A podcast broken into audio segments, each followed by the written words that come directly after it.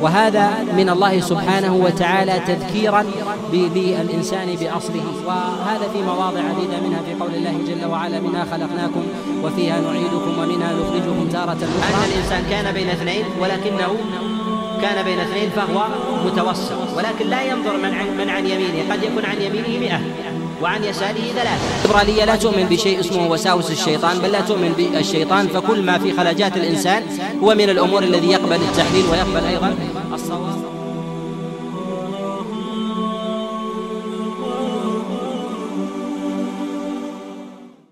الحمد لله رب العالمين. الحمد لله رب العالمين. وصلى الله وسلم وبارك على نبينا محمد وعلى آله وأصحابه ومن تبعهم بإحسان إلى يوم الدين. أما بعد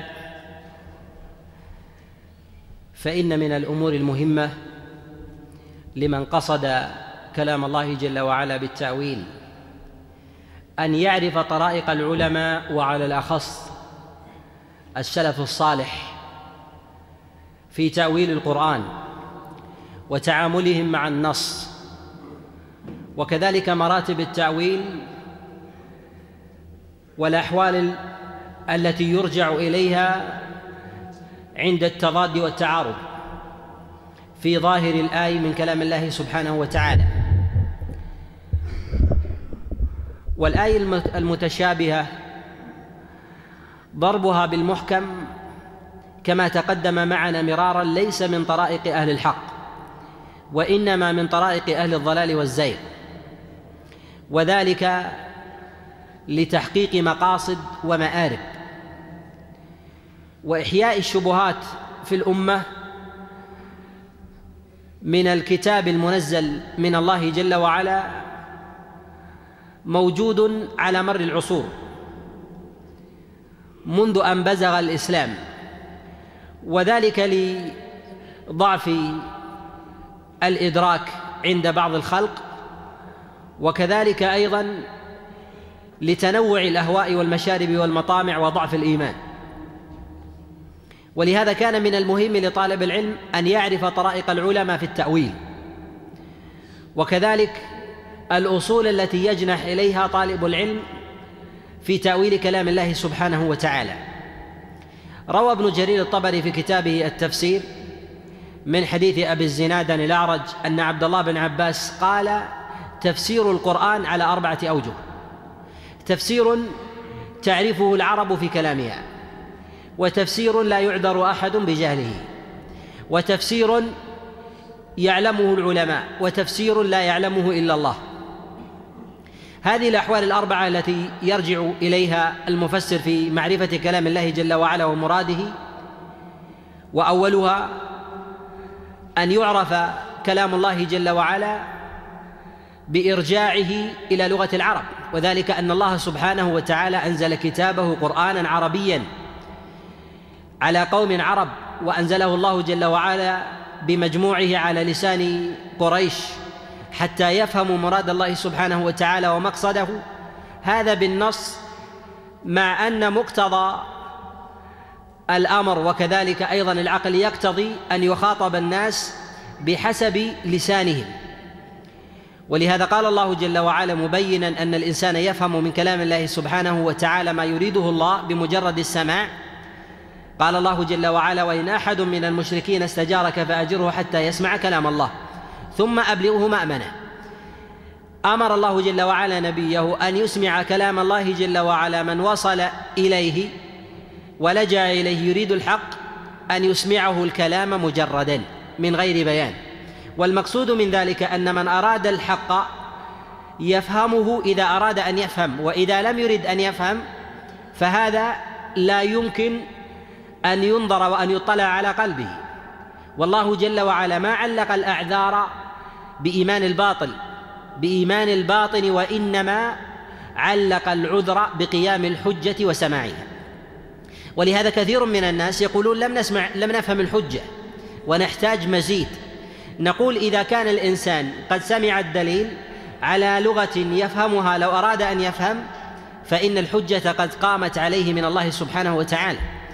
فإذا خوطب بلغته التي يتكلم بها ولا يخاطب الأعجمي بالعربية ولا العكس فإنه حينئذ قد قامت عليه الحجة وظهرت عليه البينة. ولهذا يقول النبي صلى الله عليه وسلم كما رواه الإمام مسلم من حديث أبي هريرة والذي نفسي بيده لا يسمع بي. أحد من هذه الأمة يهودي ولا نصراني ثم لا يؤمن بي إلا أدخله الله النار.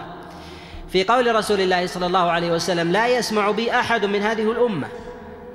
اكتفى عليه الصلاة والسلام بمجرد السماع بإلحاق العقاب إلا أدخله الله النار.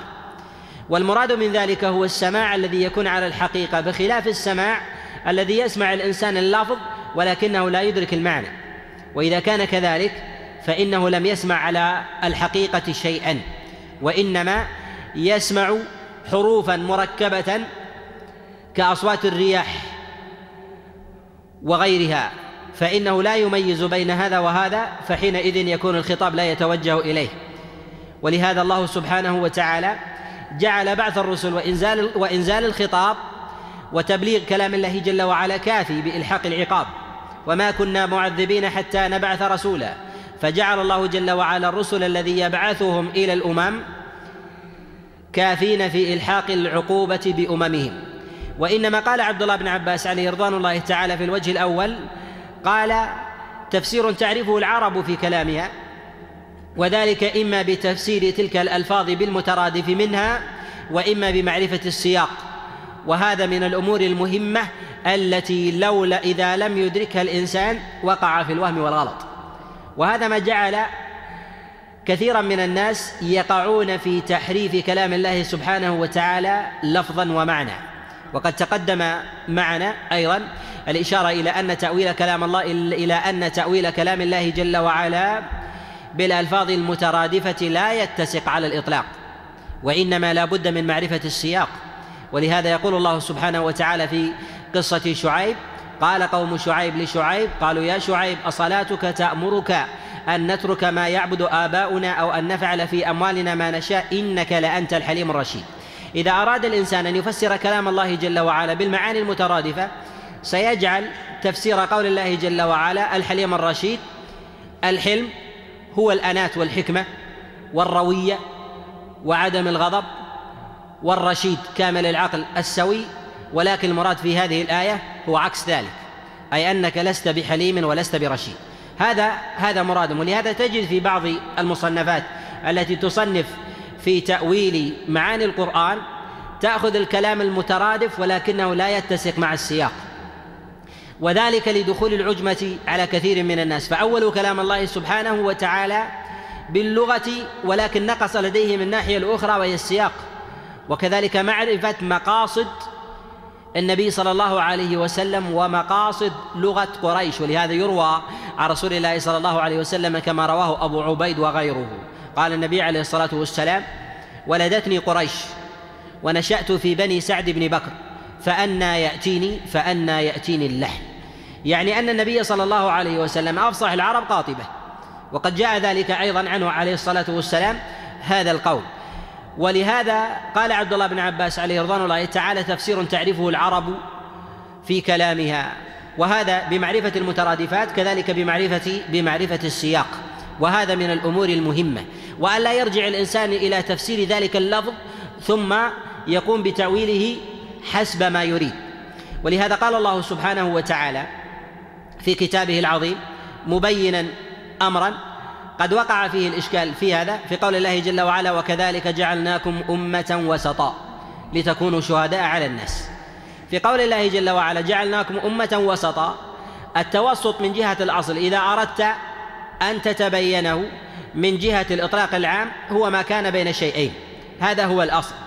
ولكن إذا أردت الدقة من كلام رسول الله صلى الله عليه وسلم لا بد أن تعلم أن رسول الله صلى الله عليه وسلم فسر ذلك بما هو أدق منه وهذا هو المقصود في كلام العرب وهو ما توسط بين أشياء وليس ما توسط بين بين شيئين. التوسط بين الشيئين هو أمر يدركه سائر الناس أن الإنسان كان بين اثنين ولكنه كان بين اثنين فهو متوسط ولكن لا ينظر من عن, من عن يمينه قد يكون عن يمينه مئة وعن يساره ثلاثة. ومن جهة الحقيقة والنظرة العامة لا يمكن أن يقال أنه توسط ولهذا النبي صلى الله عليه وسلم كما روى الإمام أحمد وغيره من حديث أبي وائل عن عبد الله بن مسعود قال خط لنا رسول الله صلى الله عليه وسلم خطا ثم خط عن يمينه خطوطا ثم خط عن شماله خطوطا فقال هذا الصراط المستقيم وهو سبيل الله وهذه سبل على كل سبيل شيطان منها يدعو إليها.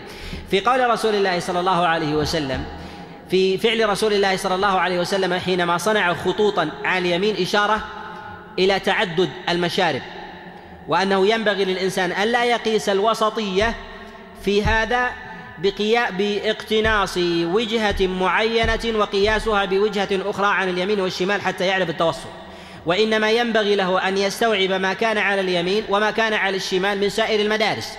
والنبي صلى الله عليه وسلم حينما خط عن يمينه خطوطا وعن شماله خطوطا يعني عن الخط المستقيم قال هذا الصراط المستقيم وهذه سبل. إشارة إلى أنه لا يمكن للإنسان أن يستوعب معنى الوسطية إلا وقد أدرك إلا وقد أدرك سائر المذاهب على اليمين في أبواب الغلو وكذلك في أبواب في أبواب الشمال وهي في أبواب في أبواب الانسلاخ. إذا أدرك ذلك استطاع حينئذ أن يدرك معنى الوسطية. بعض الناس يعرف طريقا ويعرف عن من ويعرف ما عن يمينه. إذا أراد الإنسان أن يعرف التوسط على هذا النحو أدرك إدراكا قاصرا. لم يكن على هدي رسول الله صلى الله عليه وسلم وهذا وهذا ما يتكلم به كثير من الناس من أهل الأهواء الذين يتشبثون بقول الله جل وعلا وكذلك جعلناكم أمة وسطا فيقولون نحن قد توسطنا وذلك أنهم قد عرفوا جهة واحدة فنحوا عنها. وإذا عرفوا الجهة الأخرى لاتضح لهم معنى معنى التوسط. ولو أدركوا جميع الجهات عن اليمين والشمال لأدركوا لأدركوا معنى التوسط. والحقيقة أن الإنسان لا يمكن أن يدرك معنى التوسط إلا وقد أدرك محله في من؟ عن يمينه وعن شماله. فإذا أدرك موضعه أدرك أدرك حقيقة حقيقة ذلك ذلك المعنى. ولهذا فسر غير واحد من الصحابة عليهم رضوان الله تعالى وكذلك أيضا من التابعين. قول الله جل وعلا جعلناكم أمة وسطا قال عدولا ومعنى العدول يعني الذي ينصف والإنصاف لا يمكن لا يمكن أن يتحقق للإنسان إلا بمعرفة الحقوق وإنصاف أهلها. ومن معرفة الحقوق معرفة الأفكار والعقائد.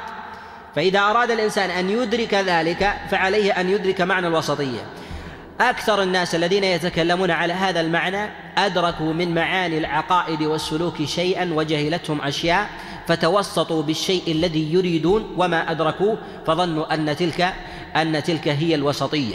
قد روى ابن أبي شيء قد روى ابن جرير الطبري في كتابه التفسير من حديث ابن أبي نجيع عن مجاهد وكذلك أيضا من حديث سعيد عن قتادة وكذلك معمر عن قتادة أنهم قالوا في قول الله جل وعلا وكذلك جعلناكم أمة وسطا قال عدولا.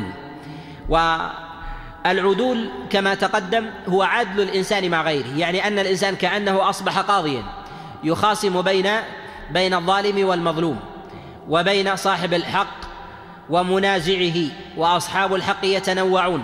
منهم من له حق يسير ومنهم من له حق تام. فيخرج من بين فرث ودم لبنا خالصا سائغا للشاربين من الأقوال والعقائد والأفكار. وكذلك أيضا من الحقوق من الأعيان من الأمور المالية وغيرها. ولهذا ظل كثير من الناس في هذا الباب ولم يرجعوا إلى حقيقة مقصد رسول الله صلى الله عليه وسلم من أمر التوسط في هذا في هذا الموضع. وخاض كثير من الناس كل منهم يزعم أنه على الحق. ومن نظر في الطوائف في الطوائف الإسلامية ونظر في المذاهب مذاهب الطوائف الفرق وجد أن الذين ناكفوا النبي عليه الصلاة والسلام وخالفوا معالم الشريعة بالآلاف. كل منهم يدعي ان أن لديه المحكم وما وما عند غيره وما عند غيره متشابه وهو المتوسط بين بين الطوائف. وإنما قالوا ذلك أنهم علموا ما هم عليه ولم يعلموا ولم يعلموا غيره. فالإنسان إذا عرف ما هو عليه وأحال أمر قبوله الفعل إلى إلى فطرته وطبيعته وقبوله لهذا الشيء ظل وزاغ. وكثير من الناس وهذا أيضا من الأمور التي ينبغي أن تفهم تفسير كلام الله جل وعلا لا يرجع فيه إلى الذوق والحس وإلى التطبع. كثير من الناس يقول سيألف الناس هذا الشيء وسيتطبعون عليه. مسألة التطبع البشر يقبلون التطبع على أي فكر وعقيدة. ولهذا يقول النبي عليه الصلاة والسلام كما روى البخاري ومسلم من حديث أبي هريرة قال ما من مولود إلا ويولد على الفطرة فأبواه يهودانه أو ينصرانه أو يمجسانه. يعني أنه يمكن أن يصاغ على هذا النحو وعلى وعلى النحو وعلى النحو المضاد المضاد له. ولهذا قبول الإنسان لأي فكر ولأي عمل كائن. قوم لوط ما وقعوا في في ما هم فيه من الشذوذ إلا بعد تدرج. الله سبحانه وتعالى ذكر أنهم يأتون الذكران من العالمين. ما وقعوا فيما وقعوا فيه إلا عن طريق التدرج وهذا مضمر في كلام الله سبحانه وتعالى ولكنه يدرك بالعقل. كيف وصلوا؟ ما هو التدرج؟ لم يصلوا إلى إتيان الرجال إلا وقد وقعوا في الزنا وأصبح مستساغا. ثم تدرجوا واستجازوا إتيان النساء من أدبارهن فلا يمكن أن يأتوا إلى أدبار الرجال ولم يأتوا أدبار النساء قبل ذلك. ثم أيضا بعد ذلك رأوا أنه لا حرج على الرجل أن يستمتع بنظره بالرجل الآخر ثم أن يتزوجه.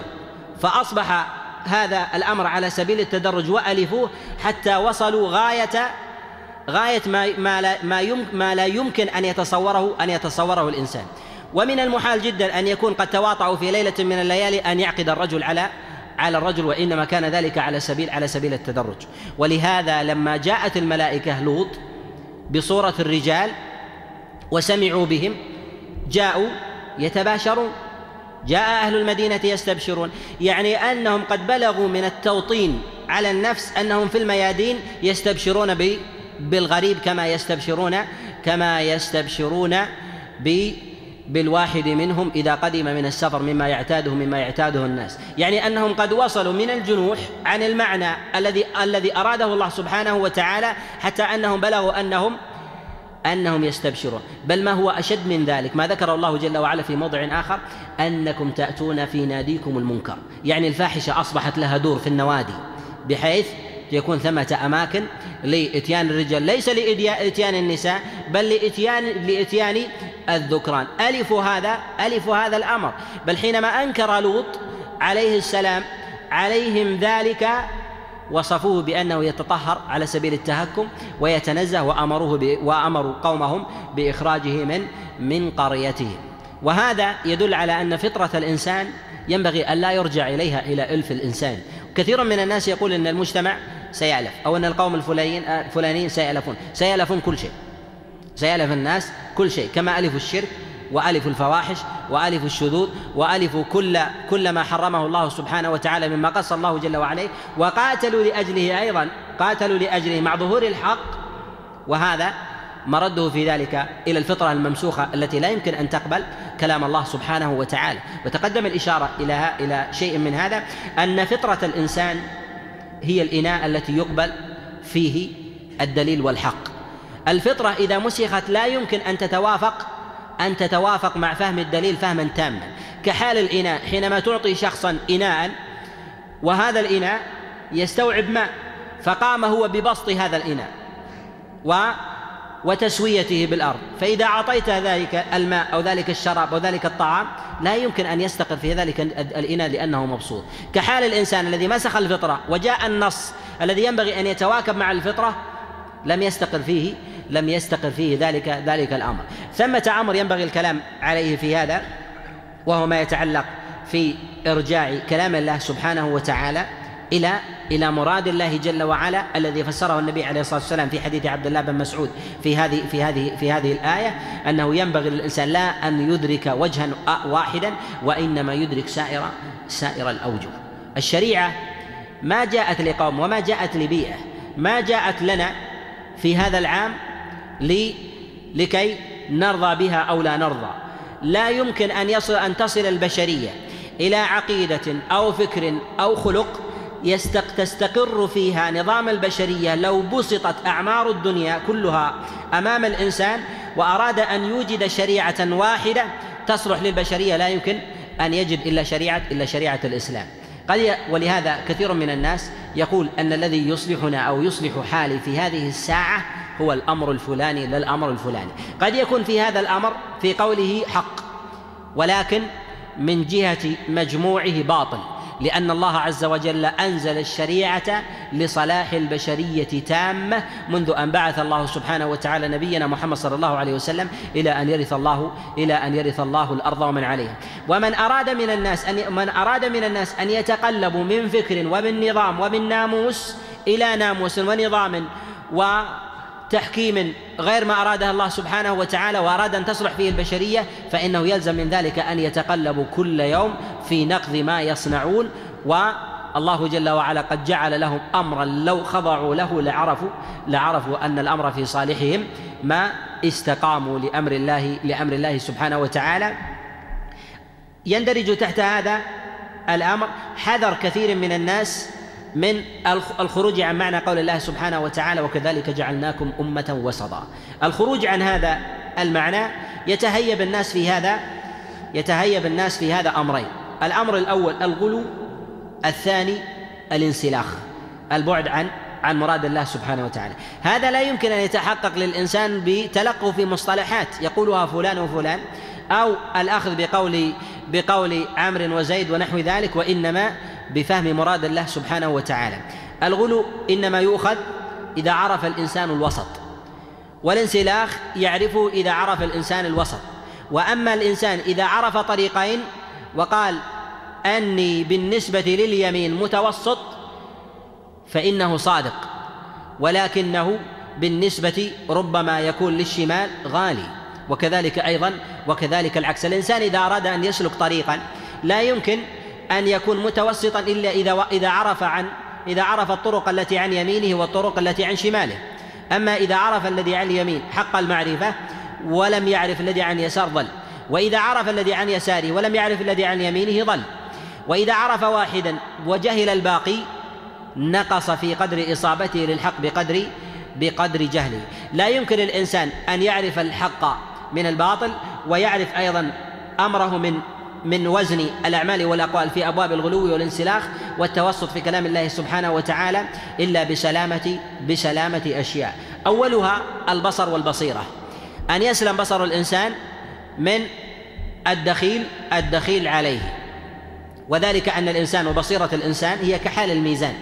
الميزان الله جل وعلا قد جعل سنة كونية أن مقادير الأمور لا تتفق على ميزان واحد. ولهذا الأعيان منها ما يكال بالصاع ومنها ما يكون بالوزن ومنها ما يعرف بوزن الذهب والفضة بالغرام وغير ذلك. وهذه مقادير حسية كذلك أيضا مقادير المعلومات. إذا اختل وزن ميزان الإنسان فلا يمكن أن يزن أن يزن الحق. ولا يمكن أيضا أن ينصف. كذلك أيضا إذا اختل نظر الإنسان واختلت بصيرته لا يمكن أن يصيب أن يصيب الحق. كحال الإنسان الذي يعيش في بلدة باردة. ويأتي إلى بلدة معتدلة فإنه سيقول إنها بلدة حارة. والذي يعيش في بلدة حارة ويأتي إلى بلدة معتدلة سيقول إنها بلدة إنها بلدة باردة. والعلة في من؟ العلة في الميزان الذي لديه. كذلك أيضا الإنسان إذا كان لديه ميزان مضطرب لا يمكن أن ينصف أن ينصف حكمه وأن يعرف الحق وأن يعرف الحق من الباطل.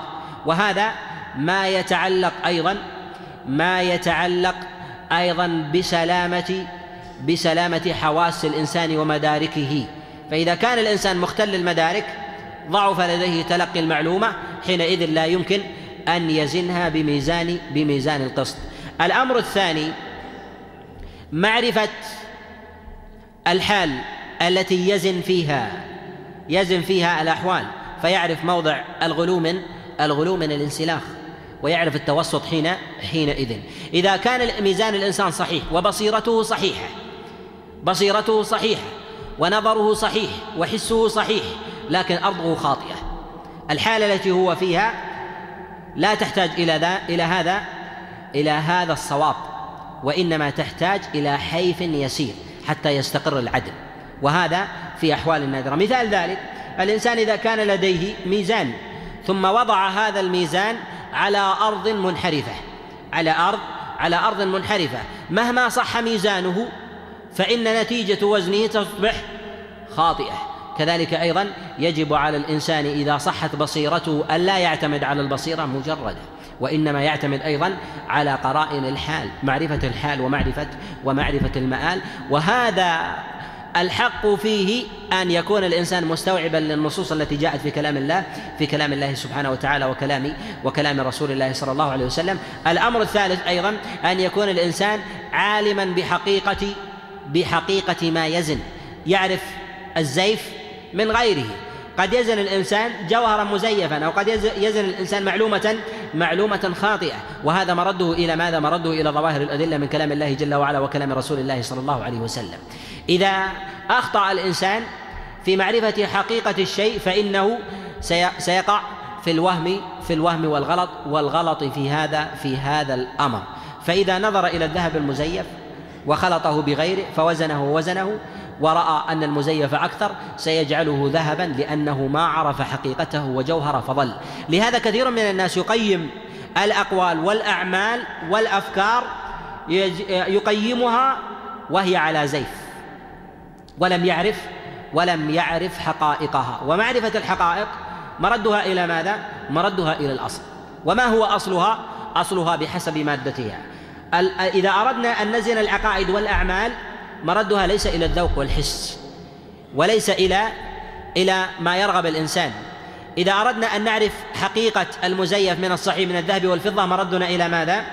مردنا إلى أهل الصنعة من النقاد وأهل الجواهر ونحو ذلك إذا أردنا أن نقيم العقائد والأعمال مردنا إلى ماذا؟ مردنا إلى الوحي ليس إلى ذوق الإنسان ذوق الإنسان هو في الملبس واللون والمسكن ونحو ذلك على انضباط أيضا لا على اطلاقيه أما النصوص من كلام الله سبحانه وتعالى ليست إلى ماذا؟ ليست إلى الحس. وإذا اختل وإذا اختل نظر الإنسان في ذلك وإدراكه للحقائق اختل من جهة النتيجة.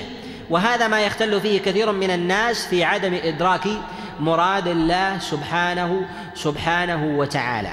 من الأمور المهمة كما تقدم في قول عبد الله بن عباس عليه رضوان الله تعالى تفسير تعرفه العرب في كلامها وتفسير لا يعذر أحد بجهله وتفسير يعلمه يعلمه العلماء. قد يكون الإنسان من أهل الفضل ولكن يشتبه عليه شيء من كلام الله سبحانه وتعالى. ولهذا لما كانت النصوص في في زمن رسول الله صلى الله عليه وسلم تأتي في بيان المفارقة بين أهل الضلال والزيغ وبين أهل الإيمان تبين أن من كفر عن عن بالإيمان بمحمد صلى الله عليه وسلم فمحله النار وهو خالد مخلد فيها خشي الصحابة. حتى سلمان الفارسي خشي عليه رضوان الله تعالى في من كان معه على اليهودية وكانوا عباد قبل قبل بلوغهم الإسلام. فسأل رسول الله صلى الله عليه وسلم عن ذلك. هل هم في الجنة أم هم في النار؟ فأنزل الله سبحانه وتعالى قوله جل وعلا إن الذين آمنوا والذين هادوا والنصارى والصابئين من آمن بالله واليوم الآخر وعمل صالحا فلهم أجرهم عند ربهم ولا خوف عليهم ولا هم ولا هم يحزنون.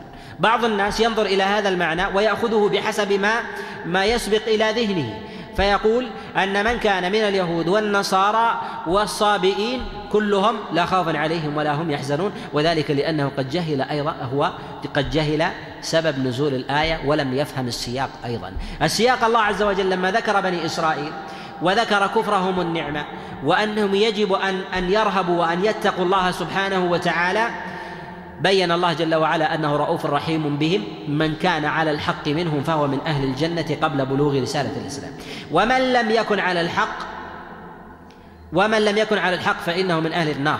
ولهذا يقول عبد الله بن عباس كما روى ابن جرير الطبري في كتابه التفسير من حديث علي بن أبي طلحة عن عبد الله بن عباس قال في قول الله جل وعلا قال لما نزل قول الله لقول الله جل وعلا إن الذين آمنوا والذين هادوا والنصارى والصابئين من آمن بالله واليوم الآخر وعمل صالحا فلهم أجرهم عند ربهم ولا خوف عليهم ولا هم يحزنون. أنزل الله جل وعلا قوله سبحانه وتعالى ومن يبتغي غير الإسلام دينا فلن يقبل منه. أي أن الله سبحانه وتعالى بين الأمر استدراكا لمن مات على الإيمان. روى ابن أبي حاتم في كتابه التفسير من حديث من حديث ابن أبي نجيح عن مجاهد بن جبر عن سلمان الفارسي قال سألت رسول الله صلى الله عليه وسلم عن عن أقوام كانوا منا فذكرت من صلاتهم وصيامهم وعبادتهم. فأنزل الله جل وعلا قوله سبحانه وتعالى إن الذين آمنوا والذين هادوا والنصارى والصابئين من آمن بالله واليوم من آمن بالله واليوم الآخر وعمل صالحا. فلهم أجرهم عند ربهم ولا خوف عليهم ولا هم ولا هم يحزنون. أنزل الله سبحانه وتعالى على نبيه عليه الصلاة والسلام بيان حال الذين ماتوا قبل ذلك.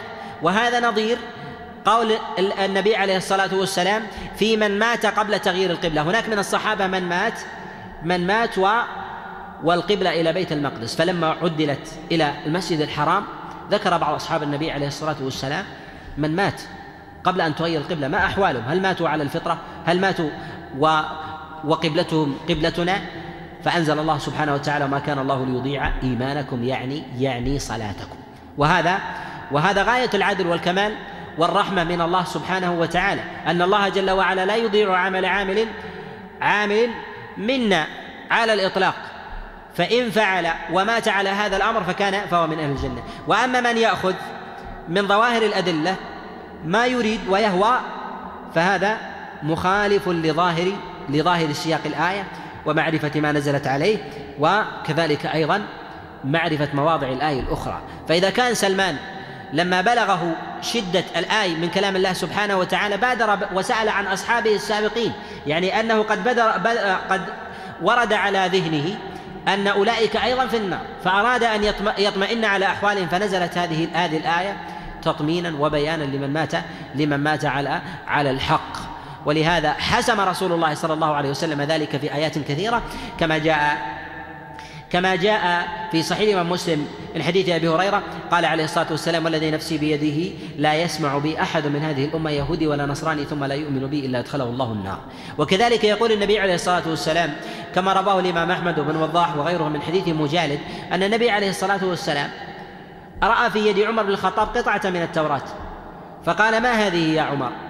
أمتهوكون يا ابن الخطاب؟ يعني في شك وريب؟ والله لو كان موسى حيا ما وسعه إلا اتباعي. والله لو كان موسى حيا فاتبعت فاتبعتموه وتركتموني لضللتم. وهذا من رسول الله صلى الله عليه وسلم.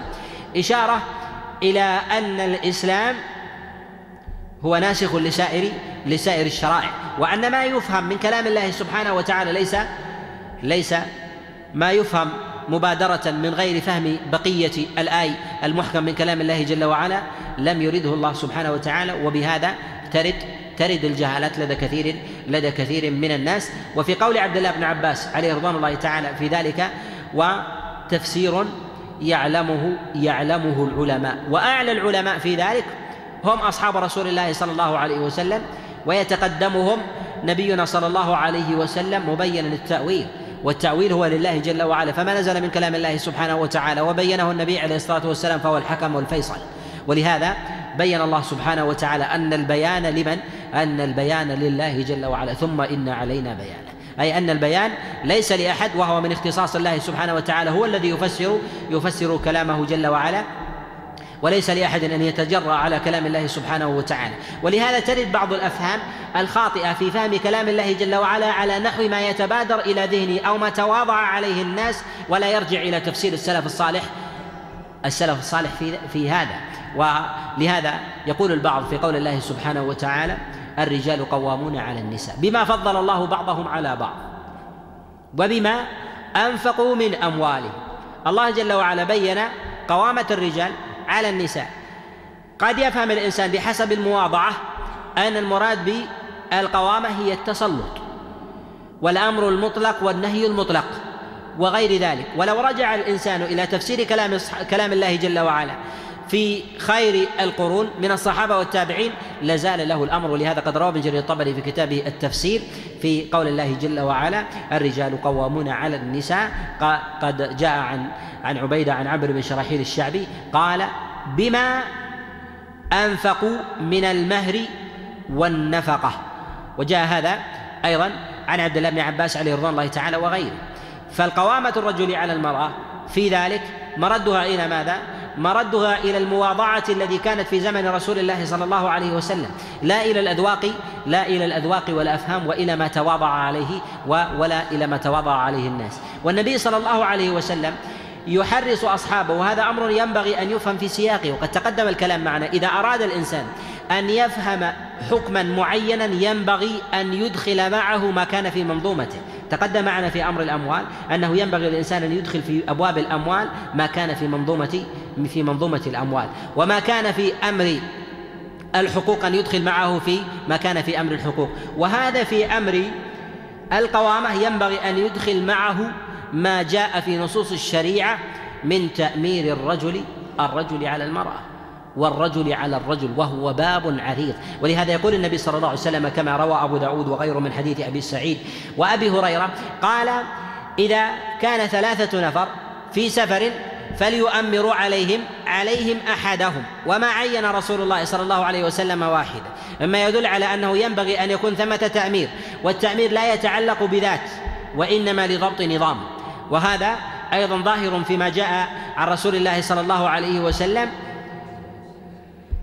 كما في المسند وغيره قال عليه الصلاة والسلام إذا كان ثلاثة نفر في ثلاث. فليؤمروا عليهم فليؤمروا عليهم أحدهم.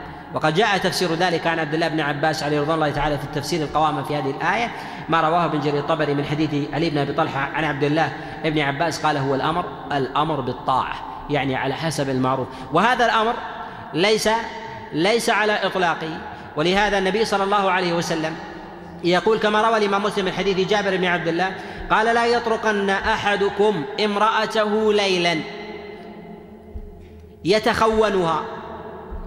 يعني أنه إذا كان مسافرا لا يطرقها ليلا يتخونها أي يجعل لمواضع الشيطان فيه مدخلا فيتركها يريد أن يتربص أن يتربص بها. هل وقعت في سوء؟ أم أم لا. مما يدل على أن الإنسان لا يدخل مملكة يتصرف فيها يتصرف فيها ما ما يريد. وأغلب ما تكون ما, ما تكون الأقوال والأعمال في فهم كلام الله سبحانه وتعالى على غير مراد الله إذا تبادر إلى الذهن معنى خاطئا جنح الإنسان إلى إلى معنى خاطئ. فإذا قبل ذلك المعنى الخاطئ جنح. وإذا حمله ذلك المعنى الذي تبادر إلى ذهنه من الجنوح إلى جنوح آخر شارك في الزيغ ومرد ذلك إلى إلى تفسير كلام الله جل وعلا بحسب مراد مراد الله سبحانه وتعالى من كلام من كلام أهل أهل العلم. ويظهر هذا أيضا في هذه الآية في تفسير بعضهم لمعنى الضرب في قول الله جل وعلا والتي تخافون نشوزهن فعظوهن واهجروهن في المضاجع واضربوهن. معنى الضرب هل هو ما يتواضع عليه الناس أم ما يتبادر إلى ذهن الإنسان مجردا مما يتخيل قد يعيش الإنسان نوعا من الضرب أو نوعا من البلادة أو نوعا من الانفلات ونحو ذلك ويريد أن يحمل النص على نحو ما يريد فيغلو أو ينسلخ. مرد ذلك إلى ماذا؟ إلى أهل العلم. ولهذا قد جاء عن غير واحد من السلف بيان أن الضرب المراد بذلك هو إظهار الأمر. يقول عبد الله بن عباس عليه رضوان الله تعالى كما روى ابن جرير الطبري وغيره من حديث ابن جريج عن عطاء قال سألت عبد الله بن عباس ما معنى الضرب غير المبرح؟ قال بالسواك وشبهه. وجاء هذا أيضا عن عطاء كما رواه ابن جرير الطبري وغيره أنه قال في قول الله جل وعلا واضربوهن. قال قال بالسواك بالسواك وشبهه. إذا لم يحل الإنسان معنى كلام الله سبحانه معنى كلام الله سبحانه وتعالى إلى إلى أهل العلم العارفين من الصحابة عليهم رضوان الله تعالى سبق إلى ذهنه معنى ففسر كلام الله جل وعلا على غير على غير مراده وحينئذ يجنح ويبتعد وإذا لم يتقبل دينه ذلك إما اولا نص قسرا خروجا خروجا من من مخالفة أمر الله سبحانه وتعالى ظاهرا أو قبل بذلك الأمر فخالف أمر الله جل وعلا في هذا في هذا الوزن. وقد تقدم معنا أن الإنسان لا يمكن أن يتحقق له العدل إلا بميزان إلا بميزان حق. وميزان الحق لا يمكن أن يتحقق له إلا بمعرفة حقائق الأشياء. وحقائق الأشياء مردها في ذلك إلى إلى أهل أهل المعرفة والدراية. وأهل المعرفة والدراية هم أهل العلم الذين قال عبد الله بن عباس عليه رضوان الله تعالى التفسير التفسير على أربعة أوجه. تفسير تعرفه العرب في كلامها وتفسير لا يعذر أحد بجهله وتفسير يعلمه العلماء وتفسير لا يعلمه لا يعلمه إلا الله. ولو وكل الإنسان ما جهل من كلام الله سبحانه وتعالى مما يتعلق في أبواب العقائد والأفكار والسلوك وغيرها لسلم له لسلم له الرد لسلم له الرد. وكذلك صحت له النتيجة وكان من أهل الصواب والتوسط.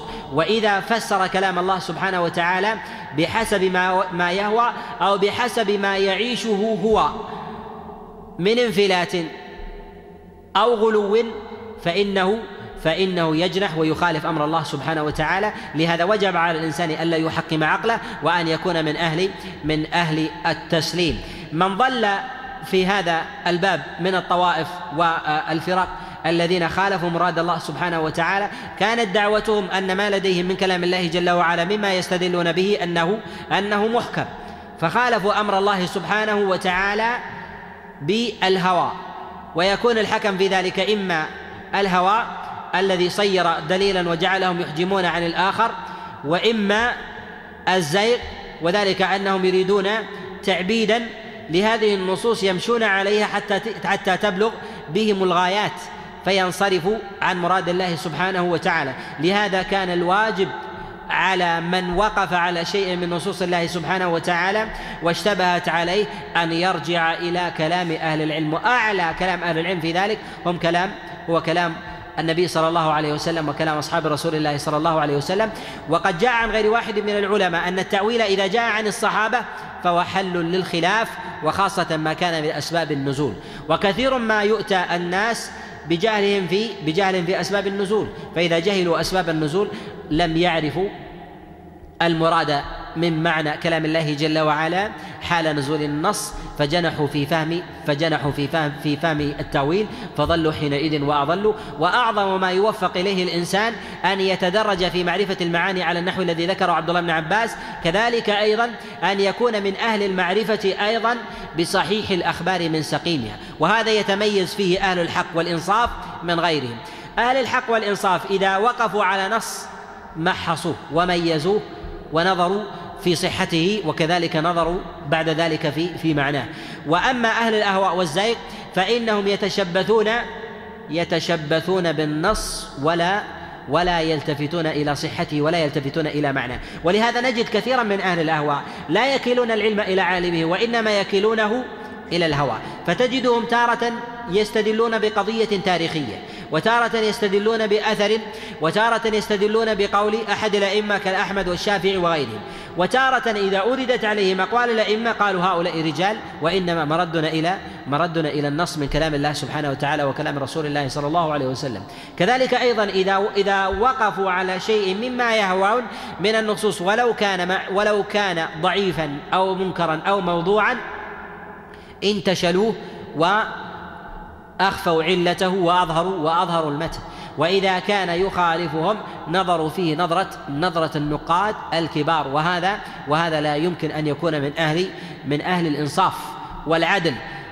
والمنصف في ذلك الذي يمحص الدليل قبل قبل أن يعرف مقدار ما يأخذه من ذلك كحال الإنسان الذي يطلب السلامة لبدنه فإنه يعرف صحة دوائه قبل تناوله ثم بعد ذلك يعرف المقدار الذي يأخذه والزمن الذي يأخذه عليه حتى يصح للإنسان حتى يصح للإنسان البدن. فإذا كان ذلك في أمر البدن فوجب أيضا أن يكون ذلك في أمر في أمر دين دين الإنسان دين الإنسان وعقيدته. ولهذا تجد كثيرا من الناس لديه ضعف في الإيمان أو لديه ضعف في العمل. فيتمسك ببعض الظواهر التي التي تعينه وتؤيده على ذلك. كما يفهم بعضهم مثلا من آية المائدة في قول الله جل وعلا يا أيها الذين آمنوا عليكم أنفسكم. لا يضركم من ضل إذا اهتديتم. في هذا المعنى إذا أراد الإنسان أن يكون من أهل من أهل الدعة وعدم المبادرة بالأمر بالمعروف والنهي عن المنكر وعدم إرجاع المعنى إلى إلى أهل العلم العارفين فإنه سيأخذ من هذا النص ويجعل ما لله لله وما لقيصر لقيصر. ويجعل أيضا الأمر بالمعروف والنهي عن المنكر أمر يتعلق بخصوصيات الآخرين. وهذا وهذا عين الهوى والزين إذا أردنا أن ننظر في هذا التأويل نجد أنه قد جاء جاء عن أبي بكر الصديق كما رواه الإمام أحمد وغيره من حديث من حديث إسماعيل بن أبي خالد عن قيس أن أبا بكر الصديق عليه رضوان الله تعالى كان على المنبر فقال إنكم تقرؤون آية في كلام الله وتضعونها في غير موضعها ثم تلا الآية السابقة عليكم أنفسكم لا يضركم من ضل من ضل إذا اهتديتم. وإن الناس إذا رأوا المنكر ولم يغيروه ورأوا الظالم ولم يأخذوا على يديه أوشك الله أن يعمهم بعقاب. وهذا الذي يتبادر إلى الذهن في قول الله سبحانه وتعالى عليكم أنفسكم. لا يضركم من ضل إذا اهتديتم. أن الهداية لا يمكن أن تتحقق للإنسان إلا بقيامه بهذه الشعيرة وهي شعيرة الأمر بالمعروف شعيرة الأمر بالمعروف والنهي والنهي عن المنكر. وهذا وهذا ظاهر في تأويل السلف. قد روى ابن جرير الطبري وغيره عن حذيفة بن اليمان وكذلك سعيد بن المسيب قال الأمر بالمعروف والنهي عن المنكر من الهداية. أي أن من لم يأمر بالمعروف ولم ينهى عن المنكر لم يهتدي. وحينئذ لم يكن هذا ممن امتثل أمر الله سبحانه وتعالى وإنما ركن إلى هواه في تأويل النص. كذلك أيضا ثمة تأويل آخر لهذه الآية. قد جاء عن غير واحد من من السلف كما جاء عن عبد الله ابن مسعود كما رواه ابن جرير من حديث جويبر عن الضحاك أن عبد الله بن مسعود ذكر قول الله سبحانه وتعالى عليكم أنفسكم لا يضركم من ضل من ضل إذا إذا اهتديتم. قال من لم يأمر بالمعروف ولم ينهى عن المنكر لم يهتدي وجاء عن عبد الله بن عباس أيضا من حديث الضحاك عن عبد الله بن عباس على هذا على هذا النحو. وروي عن عبد الله بن عباس أنه قال في قول الله جل وعلا إذا اهتديتم قال إذا كان يمنعك من ذلك سيف أو صوت فذلك لا يضرك من ضل إذا من ضل إذا اهتديت. وجاء هذا النحو أيضا هذا المعنى عن عبد الله ابن مسعود عليه رضوان الله تعالى كما رواه ابن جرير الطبري وغيره من حديث أبي الاشهب الحسن أن عبد الله بن مسعود عليه رضوان الله تعالى قال في قول الله جل وعلا لا يضركم من ضل من ضل إذا اهتديتم قال هذا ليس أوانها. وإنما إذا رأيت السوط والسيف فهو فهو أوانها. يعني أنك تحجم عن ذلك عن ذلك الأمر. وفيه إشارة إلى أن الأمر بالمعروف والنهي عن المنكر ما أمكن الإنسان ذلك فهو واجب عليه. وثمة أمر يشكل على كثير من الناس وما يتعلق بالملامة والعتب والسب والشتم ونحو ذلك. هل يمنع الإنسان من أمره بالمعروف والنهي عن المنكر ويكون هذا كحال قول عبد الله بن مسعود السالف؟ نقول لا بإجماع الأمة. قد نقل الإجماع على ذلك ابن عبد البر عليه رحمة الله. قال أجمعت الأمة على أن على أن الأمر بالمعروف والنهي عن المنكر لا يسقط على الإنسان بالملامة. بملامة الناس بملامة الناس للإنسان. وبهذا نعلم أن من فهم كلام الله سبحانه وتعالى في قول الله جل وعلا يا أيها الذين آمنوا لا يضركم من ضل إذا اهتديتم أن عليكم أنفسكم لا يضركم من ضل إذا اهتديتم أن تفسير ذلك هو على هذا المعنى بإجماع بإجماع السلف. ولا خلاف عندهم في ذلك وهذا هو المقصود من قول عبد الله بن عباس عليه رضوان الله تعالى وتفسير يعلمه يعلمه العلماء. وأن من حمل بعض المعاني في كلام الله سبحانه وتعالى على غير مراد الله جل وعلا فحامله في ذلك غريزة في نفسه إما الركون إلى الراحة والدعه أو الهوى أو حظوظ النفس. حظوظ النفس أن يميل الإنسان إلى إلى صون نفسه وماله وعدم الانشغال بغيره ونحو ذلك فيتمسك ببعض ظواهر النصوص ويظن أنه في ذلك يسلم. قد يسلم من أقوال الناس ويجد له مستساغا في الخروج عند نفسه ربما وعند غيره ولكن عند الله سبحانه وتعالى سيحاسب فكل فكل نفس بما كسبت بما كسبت رهينة. لهذا وجب على الإنسان أن يكل الامر أن يكل الأمر إلى الله سبحانه وتعالى. وأما النوع الرابع ما ذكره عبد الله بن عباس هو وتفسير لا يعلمه إلا الله فهذا مما تنازع فيه تنازع فيه العلماء. هل يوجد من كلام الله جل وعلا مما لا يدركه أحد؟ مما لا يعلم. مما لا يعلم التأويل الوارد فيه أحد هذا مما نفاه أكثر العلماء. وقالوا لا يوجد متشابه مطلق وإنما يتشابه على قوم ما ويكون محكم محكم عند عند قوم. وهذا يبينه ما جاء في قول النبي عليه الصلاة والسلام ما جاء في الصحيحين وغيرهما من حديث النعمان بن بشير قال الحلال بين والحرام بين وبينهما أمور مشتبهات لا يعلمهن كثير من الناس. بين النبي عليه الصلاة والسلام أن الشريعة على ثلاثة أنواع. حلال بين أي محكم وحرام بين أي محكم. يعلمه عامة الناس وهذا الذي تقدم الكلام عليه أي لا يعذر أحد بجهله. لا يعذر أحد بجهله. النوع الثالث المتشابه وهذا الذي يعلمه يعلمه العلماء.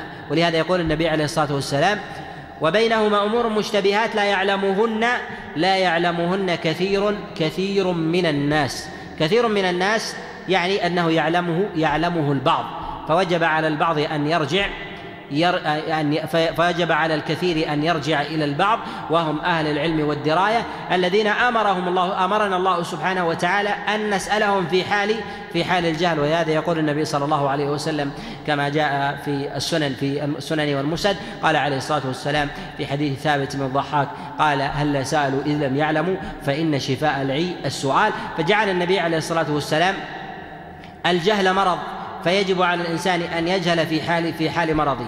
وما يتشبث به كثير من أهل الأهواء والزيغ أو النفوس الضعيفة الأمارة بالسوء في فهم مراد الله سبحانه وتعالى على غير ما يريد. هذا في رد هذا في رد كلام الله جل وعلا عند عند النفس. حتى يسول أو حتى تسول لنفسها السلامة والخروج عن حكم الله سبحانه وتعالى ومراده. وهذا إن خرج الإنسان عن مراد الله جل وعلا لا يمكن.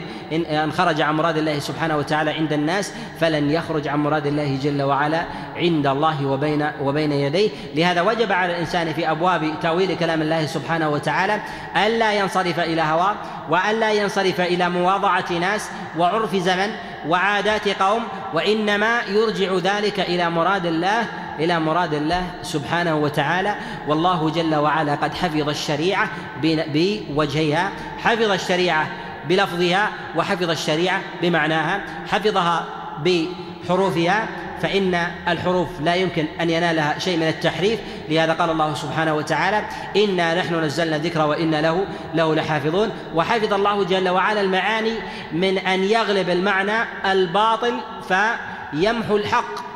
ولهذا يقول النبي صلى الله عليه وسلم كما روى الإمام مسلم من حديث معاوية وعبد الله بن عمر وأبي هريرة قال عليه الصلاة والسلام لا تزال طائفة من أمتي ظاهرين على الحق لا يضرهم من خالف من خالفهم ولا من خذلهم حتى تقوم حتى تقوم الساعة. وفي هذا إشارة إلى أن الحق من جهة المعنى ومن جهة اللفظ محفوظ على خلاف ما يحاول أن يجعل أن يجعله أهل الأهواء والزيغ من المستشرقين أو المستغربين الذين يقولون كلام الله سبحانه وتعالى هو نص مفتوح نتأوله على النحو الذي نريد وعلى الوجه الذي الذي آه، نطمع وعلى بما يصلح الناس فهذا من الزيغ والبعد عن مراد الله سبحانه وتعالى ومقصوده.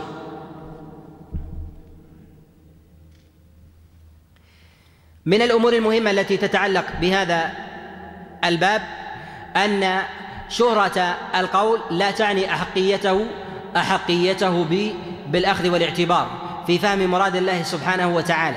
كذلك أيضا ما يتبادر إلى ذهن الإنسان من معنى يجب عليه ألا يرجع إليه وإنما يحسمه يحسمه بالنص. إذا سمع كثير من الناس شيئا من كلام الله سبحانه وتعالى يتبادر إلى ذهن الإنسان كسائر المعلومات شيء من المعاني. والفهوم فإذا أحالوا ذلك إلى ما فهموه وعقلوه مما تبادر إلى ذهنهم بداهة فإن ذلك يشمل حقا وباطلا وربما شمل باطلا محضا وربما كان من الحق المحض إذا وفق الله جل وعلا وفق الله جل وعلا الإنسان. كذلك فإن المدارس التي تؤول كلام الله سبحانه وتعالى على النحو الذي الذي تريد وتأخذ المتشابه وتجمعه على سياق واحد وتؤوله على الهوى الذي تريد سواء مما يتفق ويتسق مع نظرة مادية أو كذلك مع تحليلات أو مع النواميس ويؤيد ذلك ويدعمه مثلا إثارة الأقوال لدى كثير من الناس فإنه يجب على المؤمن ألا يجعل ذلك مما يصرف الإنسان عن الحق الذي جعله الله جل وعلا حقا حقا بينا مرده في ذلك إلى ظاهر القرآن من المحكم الآخر إذا اشتبه على الإنسان نص وقد يكون النص محكم عند غيره ولكن مشتبه لديه وهو في أصله في كلام الله جل وعلا من المحكمات فرد المتشابه إلى المحكم ولا أن يجعل أن يجعل المتشابه هو الفيصل في ذلك ولا يسلك طريقة أهل الاستكبار الذين يقولون الذين يقولون ان ما لدينا من نصوص محكمة وما لدى الناس من نصوص متشابهة ويستنكفون ويستكبرون عن الرجوع إلى نصوص الوحي الأخرى التي أمرنا الله جل وعلا بالرجوع إليها فإن الله سبحانه وتعالى نزل على نبيه محمد أحسن الحديث كتابا متشابها. قال عبد الله بن عباس عليه رضوان الله تعالى كما رواه ابن جرير الطبري وغيره قال يصدق بعضه بعضا ويؤيد بعضه بعضا ولا يكذب بعضه بعضا. أي أن الإنسان إذا وقف على شيء من النصوص وجب عليه أن يجمع النصوص التي في الباب حتى يسلم له النص ويستقر له المعنى حتى يخرج بنتيجة بنتيجة تامة. أسأل الله جل وعلا أن يوفقني واياكم لمرضاته وأن يسلك بي وبكم منهجا قويما وصراطا مستقيما إنه ولي ذلك والقادر عليه. وهذا من الله سبحانه وتعالى تذكيرا للإنسان بأصله. وهذا في مواضع عديدة منها في قول الله جل وعلا منها خلقناكم وفيها نعيدكم ومنها نخرجكم تارة أخرى. أن الإنسان كان بين اثنين ولكنه كان بين اثنين فهو متوسط. ولكن لا ينظر من عن, من عن يمينه قد يكون عن يمينه مئة. وعن يساره ثلاثة. الليبرالية لا تؤمن بشيء اسمه وساوس الشيطان بل لا تؤمن بالشيطان فكل ما في خلاجات الإنسان هو من الأمور الذي يقبل التحليل ويقبل أيضا الصواب.